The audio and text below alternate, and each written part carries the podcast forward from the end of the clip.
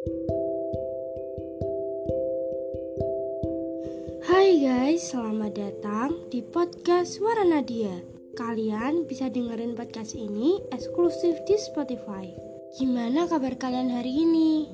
Semoga baik dan jangan lupa berterima kasih pada diri sendiri ya. Sesuai yang ada di judul, kita akan membahas mengenai cara mengikhlaskan terbaik. Kita sudah tidak saling berkabar, Gak, tidak ada lagi obrolan yang ingin kita bicarakan. Yang awalnya buku itu masih tertulis kisah kita, kini menjadi terhenti di bab terakhir. Dan tidak ada kelanjutannya. Aku ada beberapa pertanyaan. Coba deh kalian jawab. Ketika orang itu pada akhirnya memberikan syayatan luka, apakah kamu menyesal pernah sesayang itu sama dia? Lalu ketika dia datang kembali ke hidup kamu dengan tujuan melanjutkan bab baru dari sebuah hubungan yang kandas seperti kemarin. Bagaimana perasaanmu? Dan ketika kamu mengharapkan dia, lantas mengapa kamu membiarkan dia pergi? Jawabannya simpel. Sebenarnya, aku selalu mencintainya dengan tulus dan berbagai hal aku lakukan agar hubungan kita masih tetap sama. Namun, entah hal apa yang membuat kita seperti ini. Aku merasa bahwa kamu belum cukup dengan adanya aku di hidupmu. Kalau ditanya, apakah aku masih mengharapkan dia untuk kembali? Jawabannya tentu iya, karena aku akan selalu siap menjadi tempat kepulangannya. Namun, aku tidak akan membiarkan dia pergi. Justru, dia yang menyuruhku untuk pergi.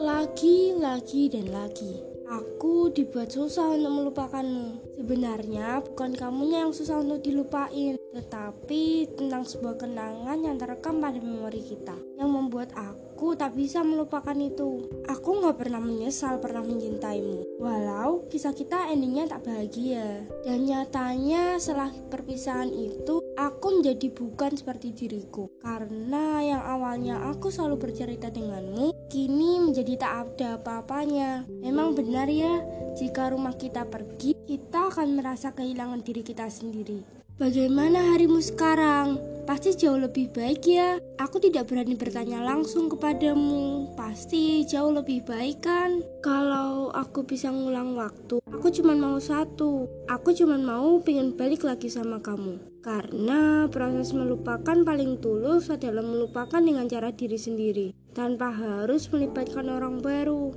Aku nggak akan keberatan kalau misalnya disuruh menunggu lama sekali. Kalau memang nantinya Tuhan menyuruh kita kembali. Untuk saat ini, proses melupakan paling nyaman adalah ikhlas. Dengan kita menghapus foto-foto itu tidak cukup buatku. Jadi yang aku lakuin sekarang adalah tidak mencari tahu tentangmu. Karena cara melupakan terbaik selain mengikhlaskan yaitu dengan percaya bahwa sesuatu yang bukan milik kamu seutuhnya namun terkadang seorang datang hanya untuk singgah bukan menetap. Dan jangan jadikan orang baru sebagai tempat pelampiasan itu. Karena kalau kita jadikan orang itu sebagai tempat pelampiasan, kita akan melukai hati orang itu.